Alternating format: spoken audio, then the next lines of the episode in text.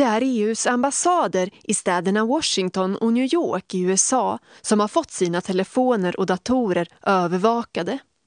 USA har också i hemlighet satt upp mikrofoner i deras kontor. Det skriver den tyska tidningen. Dessutom misstänks USA ha övervakat EUs kontor i staden Bryssel i Belgien.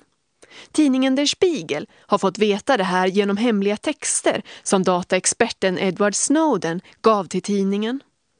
Många EU-politiker från olika partier är nu arga på USA för att de har spionerat på dem. En av dem är den svenska EU-politikern och moderaten Kristoffer Fjellner. Han tycker att det är konstigt att USA övervakar sina vänner. Någonstans så trodde jag att västvärldens demokratier samarbetade mot världens diktaturer och inte att ägna tid och energi åt att tjuvlyssna och spionera på varandra. Det behövs liksom inte. Det känns väldigt onödigt och olyckligt. EU och USA håller just nu på att skriva ett avtal om hur de ska handla med varandra. Men EU-politikern Kristoffer Fjellner tror att det kommer bli svårare att samarbeta nu när EU fått veta att USA i hemlighet spionerar på dem. Förutsättningen för samarbete mellan demokratier som Europa och USA är ju någonstans att vi litar på varandra.